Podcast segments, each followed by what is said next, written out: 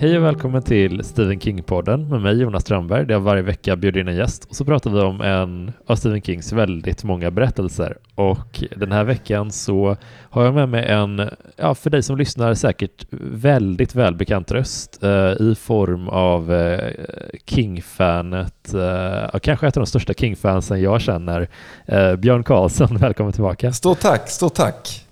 Hur mår du idag? Jo, men jag mår bra. Jag mår bra. Det känns, nu har man ju blivit invaggad i eh, att prata om eh, det mörka tornet när man har varit här mm. de senaste gångerna. Mm. Eh, och nu blir det något helt annat, vilket känns lite roligt. Ja, men jag tänkte, vi båda eh, gillar ju att vara i mörka tornet-världen, men man kan ju också behöva en palette cleanser ibland. Ja, absolut. Någonting annat. Absolut. uh, så jag satt så här jag satt och funderade på ah, men vilken novell hade varit kul att prata med Björn om? Och satt jag och bläddrade igenom mitt uh, men, numera ganska vältummade exemplar av Skeleton Crew mm. um, som är en alldeles utmärkt novellsamling uh, från King. Och jag köpte den för några år sedan för att ha som ja, men lite sommarläsning bara i hängmattan. Och sedan dess så har den hängt med mig varje sommar när jag ska någonstans. Uh, så. Den, så den, det är en ryggsäcksbok uh, helt enkelt. Ja. Och då hittade jag en novell där som jag faktiskt, faktiskt hade hört mycket om men inte läst. Uh, och ryktet som föregick den att den skulle vara väldigt, väldigt hemsk, en otäck liten novell på typ 30 sidor fick mm. mig att tänka, ja men den här borde Björn och jag ta tag i. Ja. Och då visade det sig att du inte heller hade läst den. Nej, precis. När du säger Skeleton Crew, menar du då den förskräckliga apan? Det är klart jag menar ja, förskräckliga ja, apan. För samma, ja, absolut. det, är, ja, men det är så kul för att uh, jag gillar de här svenska översättningarna, men jag glömmer alltid vad, vad de heter. Liksom. Men ofta har de ganska så coola svenska titlar. Jag har ju börjat plocka på mig lite från Stockholms science fiction-antikvariat och de har ju ofta svenska utgåvor där och det är, det är rätt coolt. Men Staden som försvann till exempel, Varsel. Mm. Det är coola titlar. Absolut. Jag tänkte på eh, en annan grej med den här. Den, den, det har ju varit en liten diskussion i, ditt, eh, i din Facebookgrupp eh, där man har diskuterat de fulaste King-omslagen. Och alltså den här apan på den förskräckliga apan måste ändå kvala in någonstans på en sån lista. ja. Det hade varit svårt för dig att ja, göra en sån Café Top 10 på det ämnet och inte ha med den här apan. Faktiskt alltså. Det är, det är ett bra, bra uppslag ändå. Jag, jag har inte gjort någon topp 10 fulaste King-omslagen än. Det, och jag har ju, ja, kanske ska skriva en sån idag när vi har poddat klart. Oj, oj, oj. bra uppslag. Ja, verkligen. Uh, nej men grejen är, den här novellen heter, på engelska heter den The Jaunt och på svenska heter den Den långa resan va? Ja, visst är det så? Ja, det är nog jag. Den långa färden eller den och, långa resan. Det är nog fan den långa resan. Jag hade hört mycket om den. Att, att del, dels det dök upp lite så här bubbel i olika King-communities för något år sedan när den, uh, när den skulle eventuellt filmatiseras och sådana här rykten har ju vi som King-fans, vi hör ju dem hela tiden så vi tar dem med en nypa salt och så. Ja. Men då, då var det liksom, folk var överraskande taggade faktiskt på det här, eller de kommentarer som jag såg, att det här skulle bli film. Men eh, då gick snacket mycket hur ska det här, hur ska man utforma det här som en klassisk långfilm? För det är ju inte riktigt den typen av story typ i, i grunden utan um, vi kan, vi kan vi, du och jag kommer hålla ett litet, litet kort försnack som är spoilerfritt för att det här är en så kort novell så att man får typ läsa den innan man lyssnar på podden ja, tycker jag. det kan man gott men, göra. Men, men basically så är det en novell som, när jag läste den nu igår innan vi poddar så fick jag sådana otroliga flashbacks till typ Black Mirror eller Twilight Zone i, i hur den var liksom upplagd och, och, och sådär. Och så kollade jag lite så här vad liksom bakgrunden till den var och då visade det sig att den faktiskt hade publicerats i eh, Twilight Zone Magazine eller någonting från första början. Okay. Så att den, det är en sån riktigt klassisk typ av isolerad, läskig, liten historia avsedd för ja, men, sena tv-kvällar typ nästan. Ja. Då var du verkligen inte ute och cykla med ord. Nej, men alltså jag, jag är ett sånt Twilight Zone-fan verkligen. Jag har kollat på de här gamla avsnitten jätte, jättemycket och tycker de är så, även när de inte direkt är läskiga så är de så lite så här kusliga på något sätt. Ja. Uh, att, jag, har- att jag- jag kan säga att det jag har väldigt- litet. Jag har väldigt dålig koll på just Twilight Zone alltså. Ja men det, det är verkligen, har du sett Black Mirror typ? Nå- Nej, någonting? det har jag inte heller gjort. Hmm. Ja men det är liksom, det är, in, det är inte ett löpande narrativ typ, utan det är verkligen små novellskräckisar varje, Okej. så här, på 25 minuter eller någonting. Och en av de här mest klassiska Twilight Zone-avsnitten avsnitten heter eh, Nightmare on 10,000 feet, tror jag den heter kanske. Och då följer vi en person som är extremt flygrädd och han måste ändå flyga så att, och han reser ensam så man ser liksom på honom hur han jobbar med de här panikkänslorna och så eh, tittar han ut genom fönstret när planet har lyft och då ser han hur en varelse kryper där och saboterar planet. Eh, Och Detta här känner jag igen det alltså. rikt- Ja, men det, man, man känner igen den, eller hur? Jag tror att den har, det är gjort säkert någon parodi på den, säkert Simpsons eller någonting Ja. som har plockat upp bollen där. För jag, och, och så har, har tror jag det har gjorts typ tre nyversioner av just det här avsnittet också, för Okej. det är så himla upp, uppskattat. Eh, sevärt om du, om du bara ska testa ett Twilight Zone-avsnitt så ja, det, det skulle jag verkligen rekommendera. Ja, ja, jag tackar för tipset ödmjukast. Men vad, vad var dina spontana känslor och tankar när du, när du läste den här? För du läste också den här igår. Ja. Så vad, vad, vad tänkte du? Liksom? Eh, först eh, så tänkte jag, jag, jag, jag fick eh, kopplingar kände jag till eh, eh, Revival. Eh, I liksom känslan eh, och det här att man liksom att det är någonting som jäckar en, alltså att det är liksom någon så här excentrisk person som är väldigt jäckad av en stor liksom, eh, upptäckt eller ett, någon form av liksom paradigmskifte och att de blir helt uppslukade av detta eh, och att det alltid kommer med baksidor. Liksom.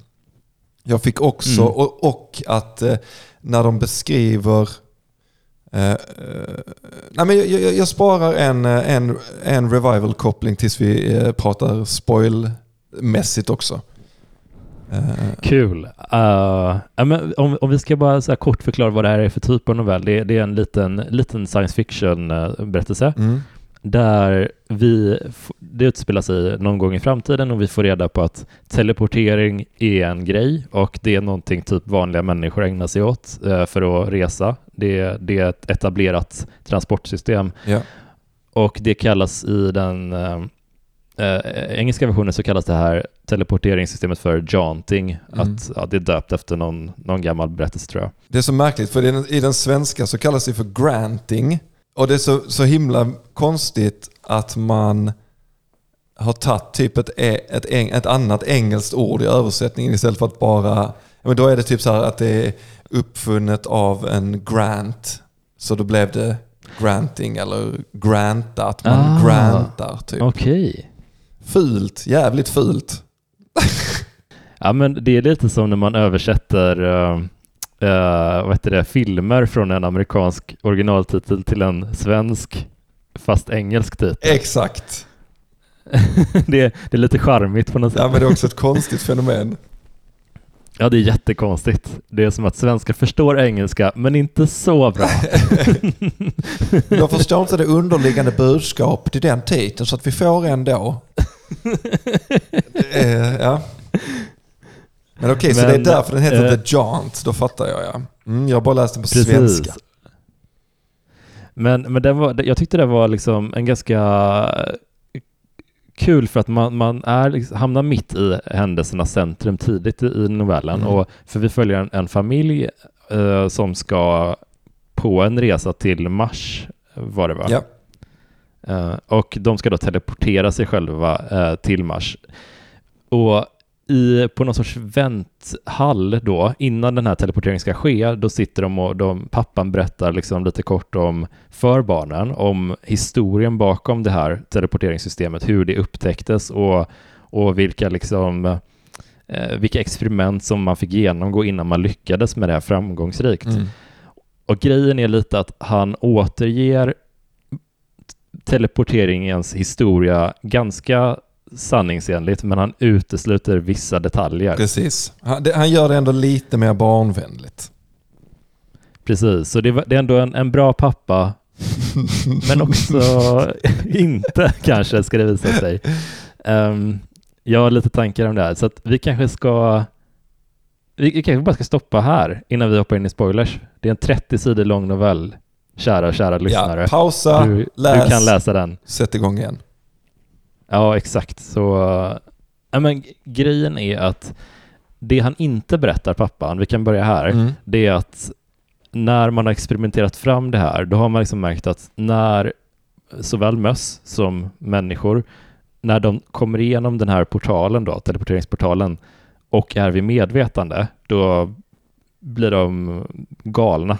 Liksom, det är något som händer med dem. Precis. I bästa fall så överlever de och blir spritt galna.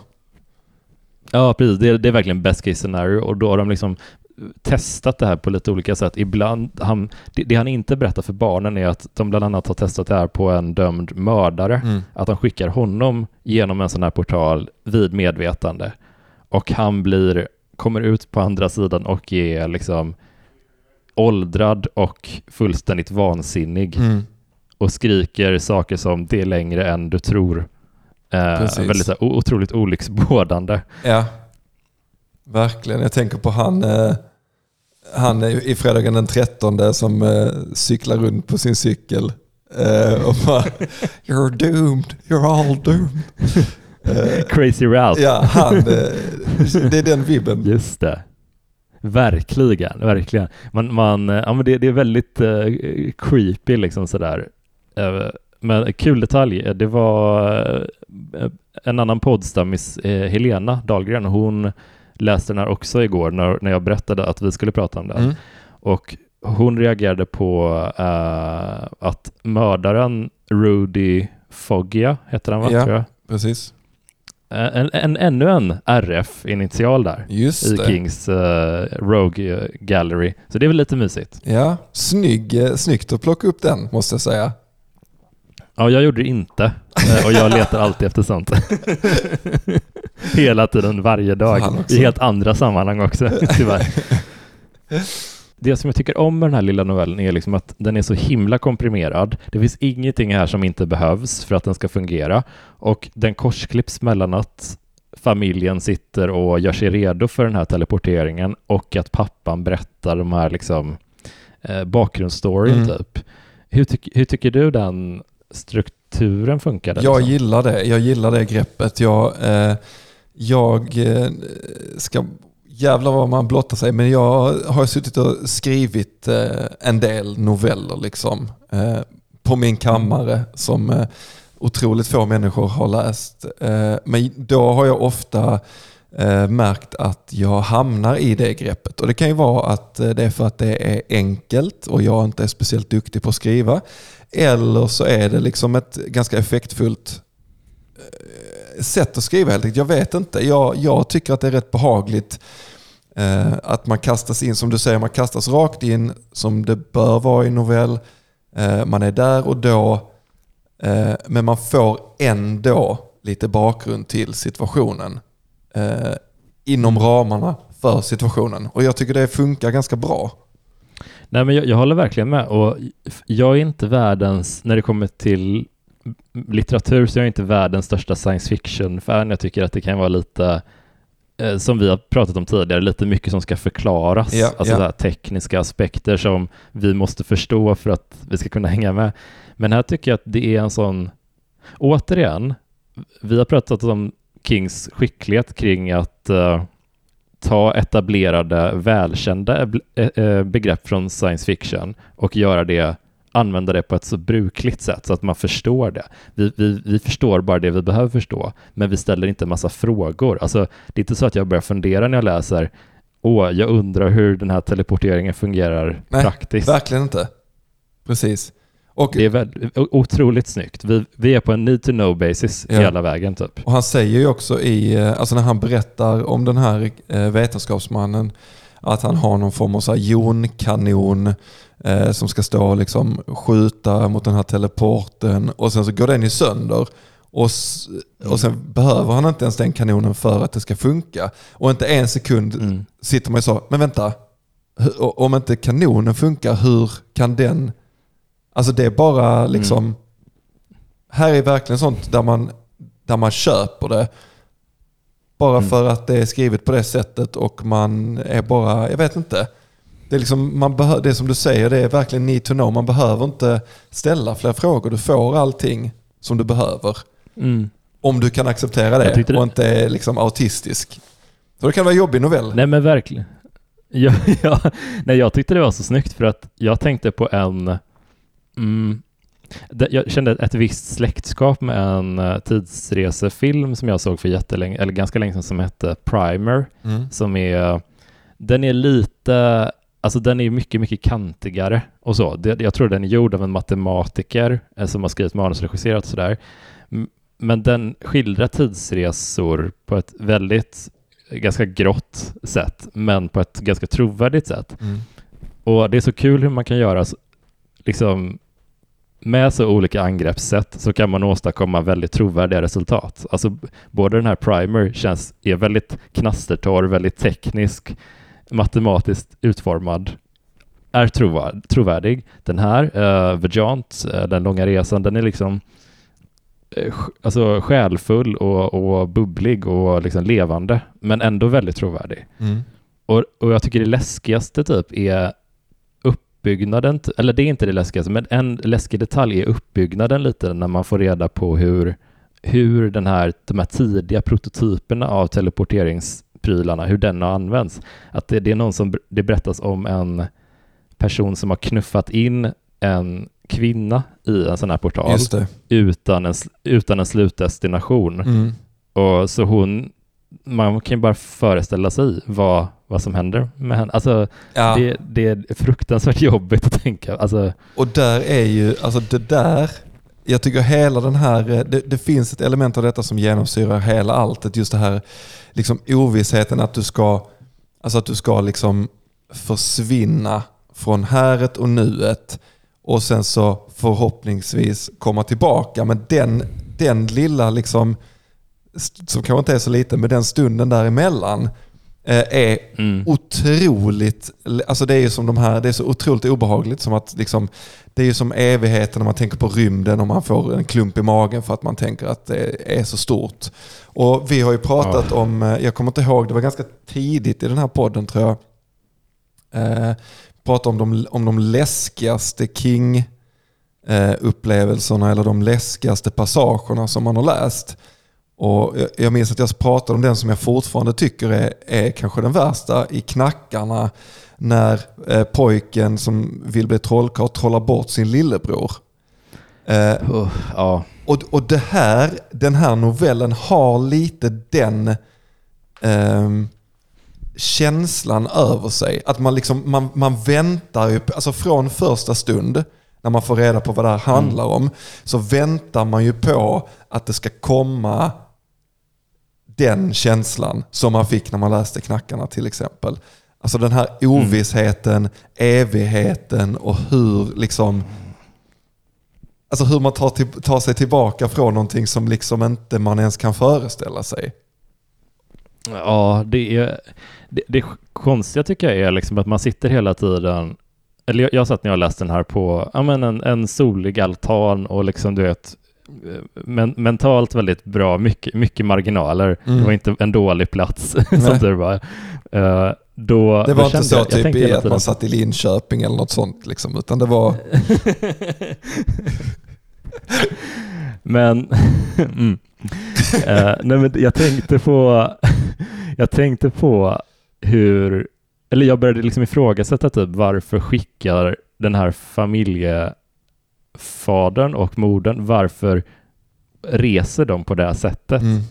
Alltså det känns så jävla riskabelt och otäckt på alla sätt. Men sen så bara fick jag en sån flashback, för det har ju varit lite skriverier om nöjesparker och sådär i, i eh, sociala medier och vanlig media och sådär senaste dagarna när vi spelar in det här. Och då tänkte jag på att, fast folk åker ju berg och dalbanor liksom hela tiden för att det är kul.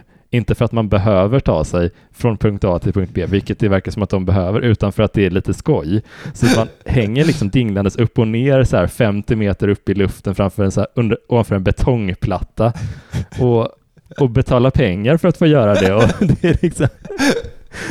Ja, det är väldigt sant. Folk är inte, folk är liksom inte så jag vet inte, risk, riskbedömningen är, jag vet inte, folk säger, någonting. Folk säger till sina barn att ställa sig på tå när de kommer fram till den här lilla gubben på Liseberg. för att de trots att så här, det är inte säkert under 1,40, ställ dig nu på tå och sträck på dig ordentligt så att du får åka där och inte riktigt ja, sitta fast. Alltså, jag tycker King är liksom som, som bäst när han får en att tänka på, ja men Fast så här gör ju, folk gör ju saker som inte är långt ifrån det här eller liksom betydligt dummare i verkligheten. Så man kan ju liksom inte riktigt skuldbelägga eh, alltså typ den här familjen för att de väljer att resa på det här sättet till exempel, tycker jag. Nej, alltså det, det är, och man får också sätta sig in i att det är ett vedertaget transportmedel. Det är precis som att det är livsfarligt att flyga eller åka bil. Mm. Men det gör vi varje dag. Mm. För att det är helt mm. vedertaget liksom. Mm. du börjar tänka på det också. det är så mycket som är, som är otäckt i verkligheten som King får en att tänka på. Ja, ja men det är egentligen, uh, typ, tänk att du har ett litet barn och så sätter du mm. det liksom i en bilstol i en bil i en, i en metalllåda och sen så skickar du mm. ut den i 100 km i timmen bland massa andra metalllådor som kör i 100 km i timmen. Och du vet att, alltså minsta lilla grej här nu, eh, att det händer någonting så kan det vara kört. Men vi behöver ju ja, faktiskt och... handla idag. Ja. Alltså det är liksom... Så att jag tycker inte vi ska ja, vara så dömande. Så här, Nej, det kan jag inte vara. Och om, man tänker också, jag tänker också så här, även om jag sköter mig nu, jag gör precis som jag har lärt mig i körskolan, ja, ja. allting by the book. Yep. Jag måste också lita på att alla de här andra hundratals bilarna som jag kommer att interagera med på vägen också gör det. Exakt. Det... du kollar fönsterhissarna innan du liksom backar ut. Ja. Men eh, det räcker inte långt. Nej. Och fy fan. Tack King. Tack eh, Björn. Ja, ja vardagsskräck va? Ja, och vi har, vi, har, vi har också sparat det, det vidrigaste till slutet förstås. För det vidrigaste med den här storyn är ju slutet. Ja.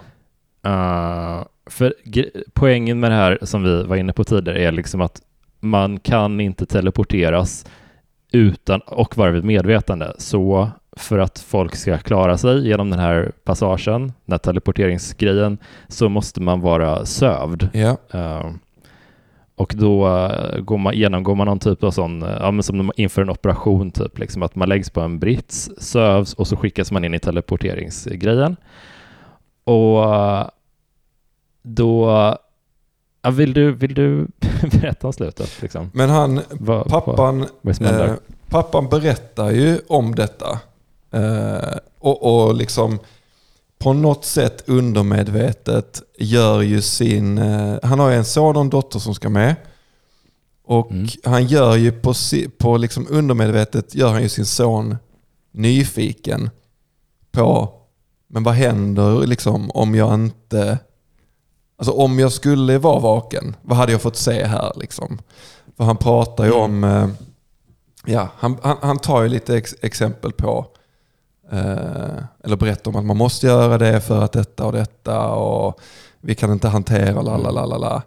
Eh, Ja men, ja, men han, är ju, han är ju verkligen tillräckligt abstrakt. Ja. Uh, han, han berättar ju inte de mest gory detaljerna om vad som har hänt med folk som har Precis. skickats igenom portalen. Nej, men han, men han väcker ju, eller han såg ett frö av nyfikenhet och det, kanske, det gör han ju såklart inte medvetet. Och sen är hans pojke i kanske den åldern där man är liksom uh, också väldigt vetgirig och sådär.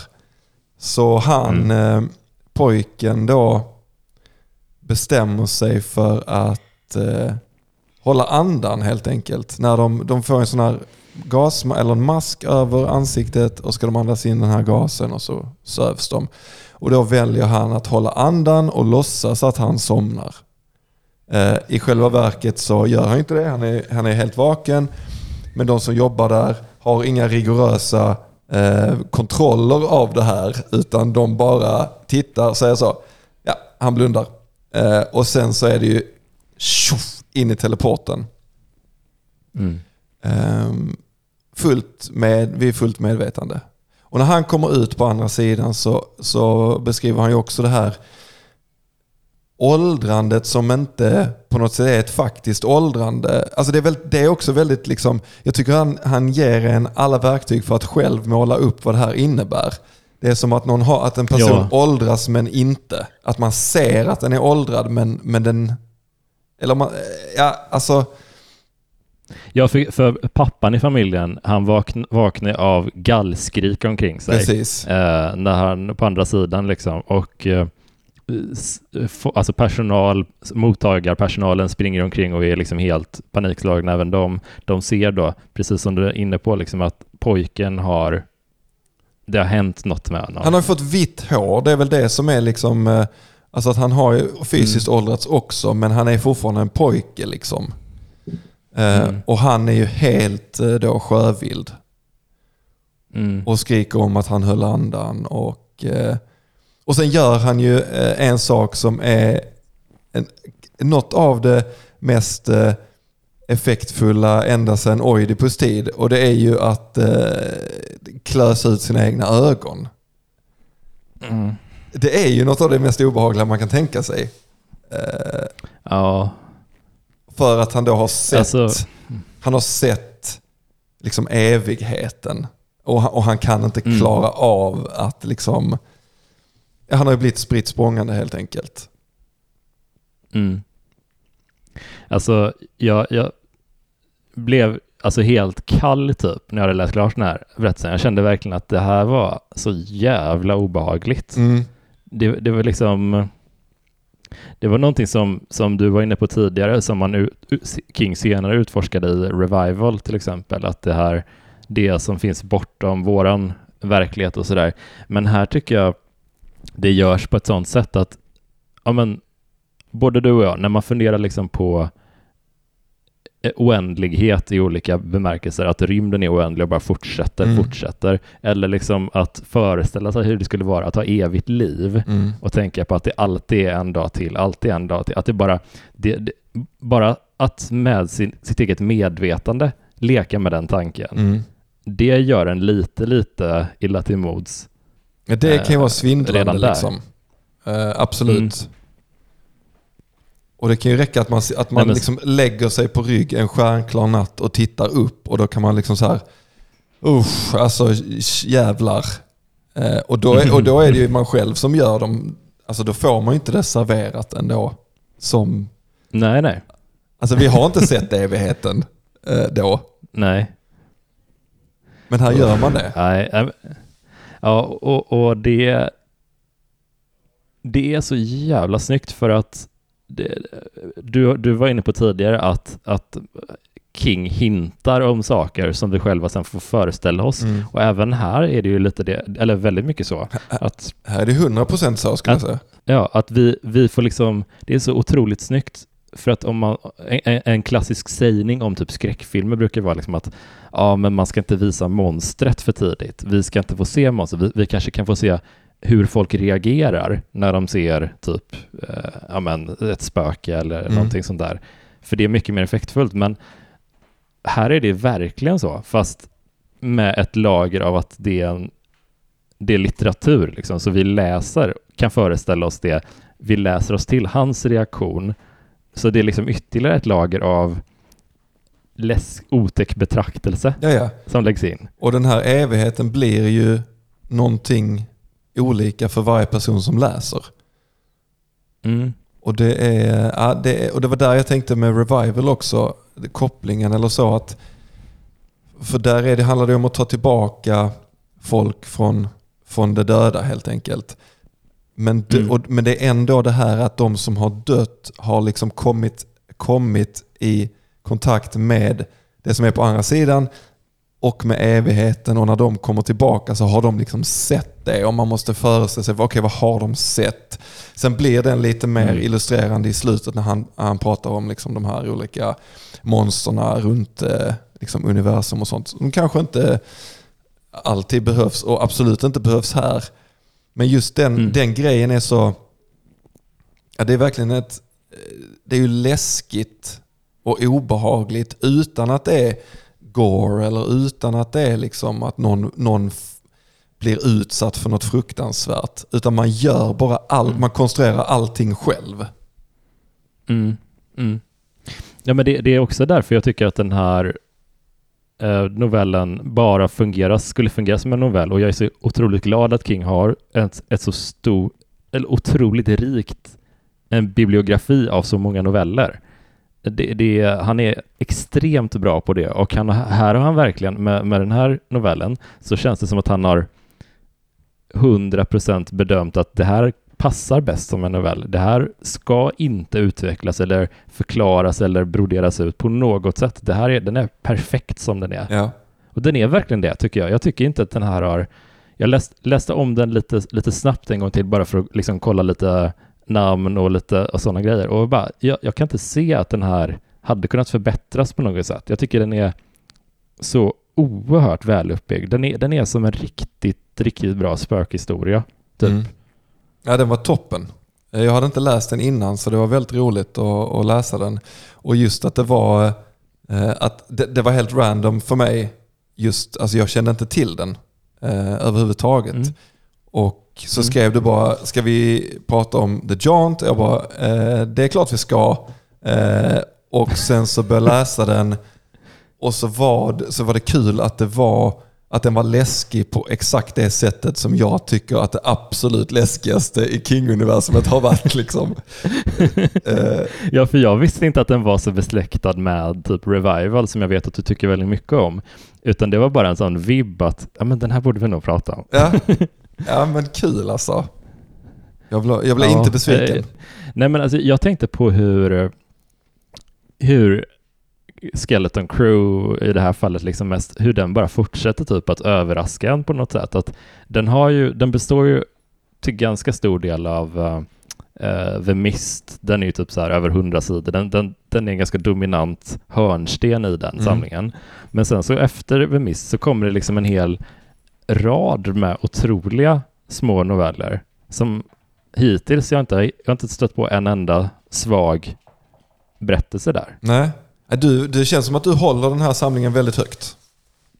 Ja, jag är väldigt stort fan, men det är också, kanske också typ uh, ja, men det, det, är lite skönt att ha den i en sån utgåva som gör att jag inte är så rädd om den. Ja, så jag har med ja. den överallt och liksom den finns alltid tillgänglig och så läser jag den. Jag har inte läst den i ett svep utan det är alltid så här, ja men bläddra lite, hitta någon som verkar spännande, läser den novellen. Så att ja, jag har haft en väldigt mycket som en bruksnovellsamling. Typ. Ja. Men nu har vi, jag tänker att eh, vi har ju pratat om två noveller nu. Två, nej, tre noveller. Eh, mm. Och eh, jag tycker att det har varit eh, tre riktigt bra. Alltså vi, har, vi är tre av tre mm. hittills. Ja, verkligen. Toppenval alltså. All, alla hans noveller är inte toppen liksom. Men de här tre som vi har läst är väldigt bra. Ja, men vi har pratat om Last Rung on the Ladder, Children of the Corn och, och så den här. Exakt. Det, jag håller med dig, det är allt bra, en bra hit-rate hittills uh, faktiskt. Uh, de andra två var ju från hans andra stora samling, uh, Night Shift. Mm. Vill, om, du, om du var tvungen att välja en av de här två samlingarna, vilken skulle du... Och du, du får inte ta båda, du måste ta en. Oh, Night Shift eller Skeleton Crew? Um, och helvete vad svårt. Så taskigt val. Um, ja... Um, ja men då, eh, eh, eftersom... Eh, det blir roligare om jag går på andra hållet, då säger jag Night Shift. Jag tycker det är två väldigt mm. starka, mm. men då säger jag den. Jag tycker att... Jag älskar Children of the Corn Eh, jag älskar mm. också Last Rung som vi läste. Där finns också eh, bra, där är det Gräsklipparmannen också där, eller hur? Oj, oj, oj, wow. Jer Jerusalem slott också ja, såklart.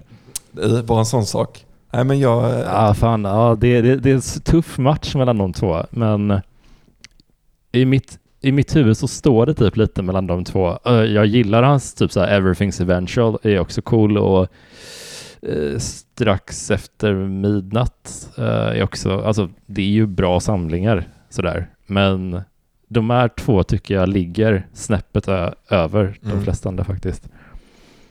Ja, absolut. Men eh, ja, usch. Ja, vad, vad, vad skönt det var att få eh, bearbeta eh, den här på samma sätt som det var med Revival, att veta att man, jag läser i alla fall inte den här själv nu, jag kommer få prata med Björn om den när jag är klar. Så kände jag lite med den här att, ja, ja, det, det, det, det är en liten så här livboj. Men det, det känns som att vi, ska, vi får se om vi hittar, om vi hittar fler eh, noveller eller romaner. Jag har fortfarande kvar romaner som jag inte har läst också eh, av honom Mm. som, som är liksom läskiga på det här existentiella planet. Så får vi Mm. fortsätta grotta ner oss i det. Det, men det är coolt to King liksom, med åldern att han inte har blivit en mjukare berättare utan att den här, den här samlingen kom ju 85, Skeleton Crew, Mm. och novellen är säkert flera år tidigare.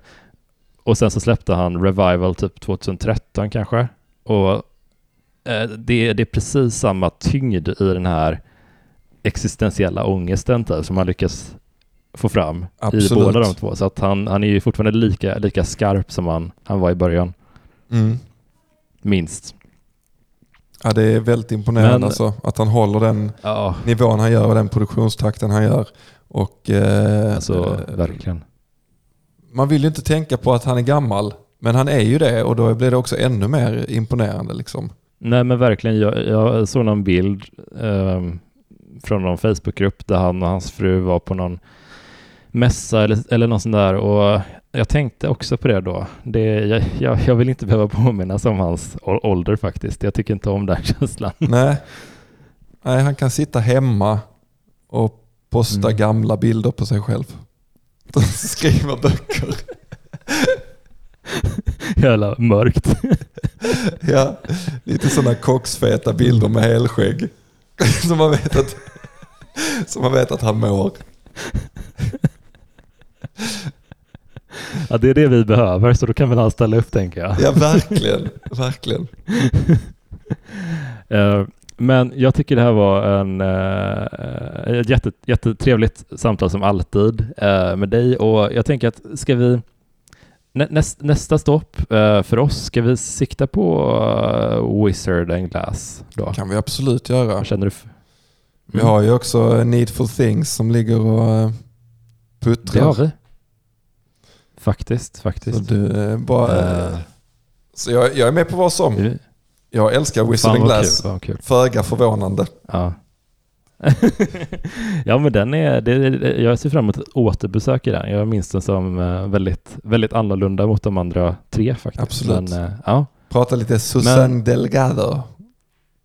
eller hur? men eh, tack så jättemycket för att du var med i podden igen. Det, du är alltid ett uppskattat och väldigt eh, välkommet inslag i eh, Stephen King-poddens universum. Och, eh, om, om ni har läst den här eh, novellen och vill prata av er och känner att eh, ja, men som en liten support system, hoppa in i Facebookgruppen som heter Stephen King-podden Eftersnack. Där brukar vi ofta berätta lite om vilka böcker som vi har framåt också, Mm. vad vi ska prata om i kommande avsnitt och ja, men lite allmänt Stephen King-nörderi och skräcktips och sådana grejer. Så det, det är en eh, jättemysig grupp, så bli, bli gärna medlem där så, eh, ja, så hörs vi snart igen Björn. Det gör vi absolut. Får man, får man passa på och bara säga att eh, om man inte är helt eh, trött på min röst efter att ha lyssnat på Stephen King-podden så eh, får man jättegärna lyssna på mina andra poddar som heter TP-podden och Män i grupp som kommer varje fredag och varje lördag. Jävla toppenpoddar det också skulle jag säga. Gör det. Jag är ett stort TP-podden-head. Eh, älskar TP i alla former verkligen och quizprogram. Ja, det är trevligt. Du har också varit med i podden ett par gånger. De avsnitten ska man ju absolut lyssna på. Eh, Det finns andra, andra roliga personer i dem också. Som, eh, vilka har vi Verkligen. spelat med? Nisse Hallberg och Fritte Fritzson och vi har spelat med eh, ja, Vanessa Falk. Vanessa och, Falk ja, alltså, och på en sån sak. ja, verkligen. Bra, bra line-up varje, varje vecka tycker jag. Härligt. Uh, ja, in och lyssna på de poddarna. Prenumerera på dem för att uh, ja, det är bra grejer. Det är bra grejer. Uh, så hörs vi snart igen Björn. Det gör vi. Ta hand om dig. Ta hand om dig.